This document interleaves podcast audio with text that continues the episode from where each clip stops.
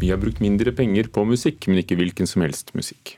Nei, det, og dette er jo da sammenlignet med i fjor, selvfølgelig. Flere valgte heller å lytte til internasjonale artister på strømmetjenester og den slags. Og ikke den norske, altså. Ikke det norske, det er plateselskaporganisasjonen IFPI som eh, forteller dette i sin årsrapport. Til syvende og sist så går dette utover tilbudet til forbrukerne, sier eh, musikkbransjeprofil Kristine Danke. Kjære lytter, følg med. Her kommer millionkronersspørsmålet. Av de tre låtene nordmenn brukte mest penger på å lytte til i fjor, hovedsakelig gjennom å betale strømmetjenester som Spotify, hva er deres åpenbare fellesnevner? Vil du bruke hjelpemiddel? Her er de tre låtene. Men jeg kan ikke være i samme rom som dig utan att jag tappar andan lights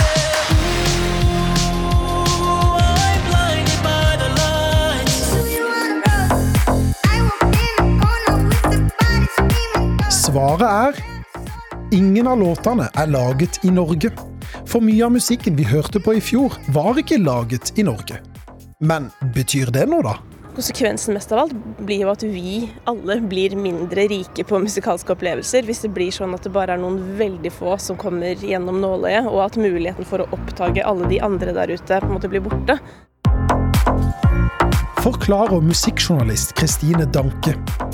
I fjor brukte nordmenn godt over 1 milliard kroner på innspilt musikk, hovedsakelig gjennom strømming. Men av den pengepotten havna mindre i Norge og mer i utenlandsk musikkbransje, sammenligna med året før. Det viser plateselskapenes organisasjon IFPI sin årsrapport. I 2019 fikk norsk musikk nesten 25% av pengene, i fjor fikk de kun litt over 18 Og dette er jo veldig viktige penger også for norske artister og plateselskaper i et år, altså 2020, som ellers var eh, tungt, da man ikke hadde konsert og turné osv. Sier Marte Thorsby i IFPI Norge. Men hva sier de norske plateselskapene til dette? Det blir sluppet 60 000 låter hver eneste dag, globalt sett. Og det er klart at uh, i et sånt uh, voldsomt volum med, med, musikk sluppet verden over, så vil uh, det bli press på norskandelen, selvfølgelig. Bjørn Rogstad er sjef for Norges største plateselskap, Universal Music. Det er en stor utfordring, og vi, vi må på ingen måte stikke hodet i sanden. Vi må, vi må, vite at vi har en utfordring, og vi må vite at konkurransen er økende. Og vi må forstå at skal vi ut, i, ut av Norge og ut i verden, så krever det mye av alle, og mer og mer, fordi konkurransen blir sterkere og sterkere. Den såkalte norskandelen har variert noe fra år til år. Men hvorfor var han såpass lav akkurat i fjor? Dette tror Kristine Danke. Det at det ikke har vært konserter i Norge kan være en bidragsyter. Folk har ikke hørt på favorittartistene sine og gira seg opp til å gå på konsert. I tillegg så har TikTok også blitt et viktig sted for å eh, få frem nye store hits. Det har jo Aurora fått smake på i år. Men der også har jo den internasjonale musikken vunnet frem i et mye raskere tempo enn den norske. Og hvis du sånn helt på tampen lurer på hvilken norskprodusert låt nordmenn brukte mest penger på i fjor, vel, her er svaret. Haugenstua, stedet mitt. 0977, det er livet min. Haugenstua, stedet mitt. 0977, det er livet min. Haugenstua, Herman Flesvig sin uh, låt. Uh, og den var for øvrig den syvende mest innbringende singelen i fjor. Reporter, også innbringende for oss i NRK, Christian Ingebretsen. Så sent som i fjor skrev norske aviser om tidligere sektleder Åse Waldau som ble omtalt som Kristi brud. og Alt dette er sammenheng med Knutby-saken utenfor Uppsala i Sverige, som i 2004 satte Skandinavia på, på hodet. Det var ett drap, og nå er hele historien blitt en dokumentar på strømmegiganten HBO. Sjokk og forstemning preger den lille byen Knutby. En herve av religion, sex og ond bråd död. HBO Nordics serie om Knutby-drapene ble sluppet i april, og nå mener altså ofrene i saken at HBO har gått for langt, kulturreporter Muneve Gildis? En av dem som overlevde drapsforsøket i huset, kritiserer nå HBO-dokumentaren som heter 'Knutby i blind tro'. Det skriver SVT. Han sier han er opprørt, og mener han blir hengt ut i dokumentaren. Hvorfor? Eh, I dokumentaren så hører seerne bl.a. mannens desperate nødanrop til 112, og de får, med, de får med seg hans virkelige navn. Eh, og det vises også bilder av han, eh, og dette på tross av at mannen har sagt at han ikke ønsker å bidra til denne dokumentaren, fordi han tidligere har opplevd all oppmerksomheten rundt saken som veldig belastende. Men dokumentarfilmskaperne, hva sier de? Eh, journalistene som eh, står bak den dokumentaren, Anton Berg og Martin Jonsson, sier det har vært viktig å få med akkurat det nødanropet eh, spesielt, fordi at eh, de mener politiet har gjort en feil, og at det er derfor viktig å dokumentere det for seerne. Men har ofrene noen rettigheter på papiret her? Eh, nei, dessverre ikke. For eh, i Sverige så kan man eh, klage til det som heter pressenevne, tilsvarende norske, norske PFU, hvis man opplever at man blir urettferdig behandlet av et mediehus. Men HBO er ikke medlem av det svenske pressenevn, og det betyr at ofrene i Knutby-saken ikke kan klage inn strømmegiganten. Muneve Gillis, ta oss tilbake til 2004 for dem som ikke husker alt annet enn kanskje nettopp denne, dette med Kristi brud. Altså, Hva var Knutby-saken? Da går vi til 2004, 17 år tilbake. Det var da det lille tettstedet Knutby i Uppsala i Sverige ble rystet av et brutalt drep, drap i pinsemenigheten, som da var ledet av nordmannen Helge Fossmo. Fossmos kone Alexandra ble skutt og drept i sin egen seng, og naboen Daniel Linde hadde skuddskader i ansiktet og brystet, men overlevde. Og da ble familiens barnepike, Sara Svensson, pågrepet og siktet for drap drap og drapsforsøk. Takk. Det er mange nynorskbrukere som føler seg ja, lite velkomne på internett, for å si det sånn. De opplever ofte at de må ty til bokmål, eller engelsk til og med, for å finne frem det de leter etter. Det er eh, Gunhild Skjold, leder i Norsk Målungdom, som hevder dette. Hun har et eksempel. Hun skulle søke etter en kurv, eller en korg da, som det heter på nynorsk, og da fikk hun opp noe ganske annet. Jeg skal kjøpe meg kork, altså en slags kurv til å ha ting i. Og når man googler det, så får man bare opp synthesizere, som også er kork. Da klarer liksom ikke Google å skjønne at dette er faktisk et nynorsk ord, så kanskje det er en kurve på jakt etter. Google har fått mye kritikk for å ha for dårlige språktilbud, spesielt på nynorsk. Skjold sier at når en ikke får bruke språket sitt på nett, så føler en seg mindre velkommen. Når alt man ser er på bokmål og, eller på engelsk, så blir det vanskeligere å være nynorskbruker. Noe som kanskje oppleves som en ganske liten ting, som f.eks. at når jeg åpner eh, google.com, at ting der står på bokmål. Alt det er liksom med på at eh, det virker ikke det blir liksom ikke like naturlig å bruke språket sitt. da, eh, fordi at all, Du får jo alle disse signalene om at det er unormalt og det passer ikke på internett. og sånt, eh, og det er jo veldig ja, det er en kjip følelse å gå og kjenne på. da, eh, At man ikke er velkommen på internett. på en måte. I fjor sommer sa også Microsoft at de ville fjerne nynorsk og 26 andre skriftspråk fra e-postappen Outlook.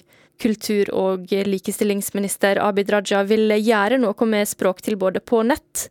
Nå har han hatt et møte med flere av de store teknologiselskapene for å få dem til å satse mer på minoritetsspråk, både nynorsk og samisk. Målet må jo være det at, eh, at man skal kunne google eh, på nynorsk, og man skal kunne google på, på samisk. Og Det erkjente også Google at de har kommet eh, til kort med, og de sier at de jobber med dette. Så Jeg er veldig glad for at vi fikk til dette møtet med de store teknologigigantene. og Jeg tror det har blitt eh, dannet nå mye godt samarbeid på tvers av de ulike gruppene som jobber med dette. Det er blitt avtalt mange bilaterale møter eh, mens vi hadde dette møtet i dag. Og det er mange gode krefter som kommer til å snakke sammen i ukene og månedene fremover.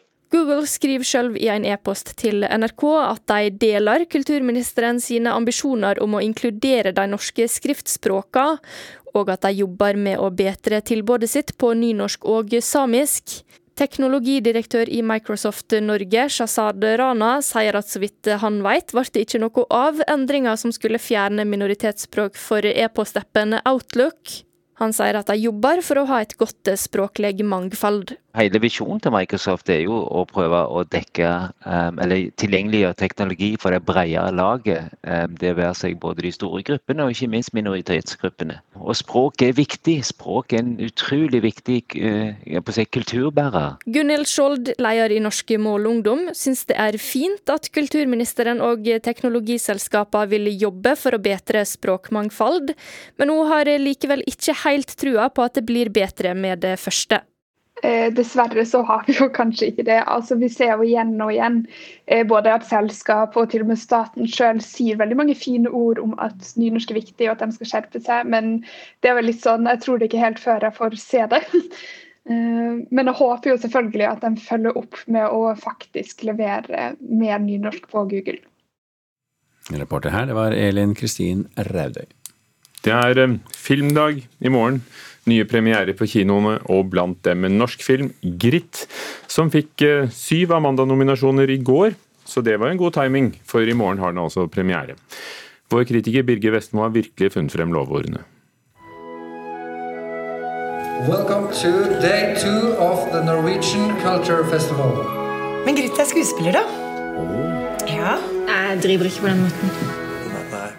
Regissør og manusforfatter i Tonje Søymer Guttormsens imponerende spillefilmdebut er basert på hennes egen kortfilm 'Retrett' fra 2016.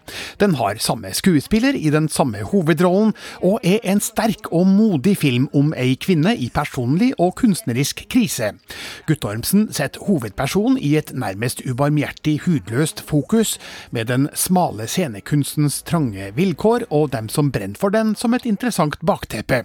Noen vil kanskje også oppfatte Gritt som smal, men da definerer de bort en film med en interessant tematikk i en rik kontekst, der Birgitte Larsen spiller formidabelt i karrierens kanskje beste og mest krevende rolle. Jeg er kunstner. Ja, akkurat nå har jeg et ganske stort prosjekt som skal være et mer sånn kollektivt ritual Ja, for hele byen. Du har gått litt vekk fra det derre 'jeg skal bli stor skuespiller', på en måte? Nei. Gry-Jeanette, som nå bruker navnet Gritt, kommer hjem til Norge etter flere år i utlandet, og forsøker å etablere seg blant nye og gamle kunstnervenner i hovedstaden. Problemet er at hun ikke har noe sted å bo, ingen reell utdanning og ingenting å vise til. Redninga blir en midlertidig assistentjobb hos Grusomhetens teater, der hun i all hemmelighet flytter inn og sover i kulissene. Når hele ensemblet drar på turné, skjer Gritt sitt snitt til å realisere sitt eget kunstprosjekt på teaterets scene. This looks bad. Nei, men Går det bra med deg nå. Hva gjør du? Hva skal du gjøre nå da, Gry-Jeanette? Eller Gritt? hva heter det? You're trapped and you're not able to see the way out. Ok. Den Amanda-nominerte rollen som Gritt må være Birgitte Larsens mest utfordrende og gjennomførte på film til nå. Hun spiller hovedpersonen med en overbevisende styrke, men òg med en gjennomtrengende sårhet, som gjør at man er i tvil om hun kommer til å lykkes eller gå til grunne. Det kan virke som hun har fjerna seg så langt fra A4-livet med jobb og familie at hun bruker kunsten som en slags utvei eller unnskyldning. Hun sier at hun vil angripe patriarkatet og kapitalismen, men man får følelsen av at hun egentlig har et uoppfylt behov for å anerkjenne seg sjøl og bekrefte sin egen verdi som menneske overfor andre. Nei! Nei! Jeg vil gjerne gjøre noe som bidrar med noe, liksom. Hva er det du lever for? Patrick Sefstrøm og Egil Hårskjold Larsens kamera går tett på hovedpersonen, og lar hun ikke unnslippe gjennom noen deler av spilletida. Flere kjente fjes fra norsk kulturliv dukker opp som seg sjøl, og tilfører troverdighet til rammeverket som hovedpersonens fortelling foregår i. I Tonje Søymer Guttormsen gir oss en rå og kraftfull studie av ei kvinne i en kaotisk livssituasjon, i en film som lyser av originalitet, kreativitet og skapertrang. Hæ? Terningkast fem. Det var Birger Vestmo som hadde trillet den terningen, og flere anmeldelser finner du på Filmpolitiets sider eller på nrk.no anmeldelser, for det kommer mange flere filmer, og der har vi også anmeldelser av spill og serier og bøker og plater. Og... Kunst, da. Men dette var Gritt på norske kinoer fra og med i morgen.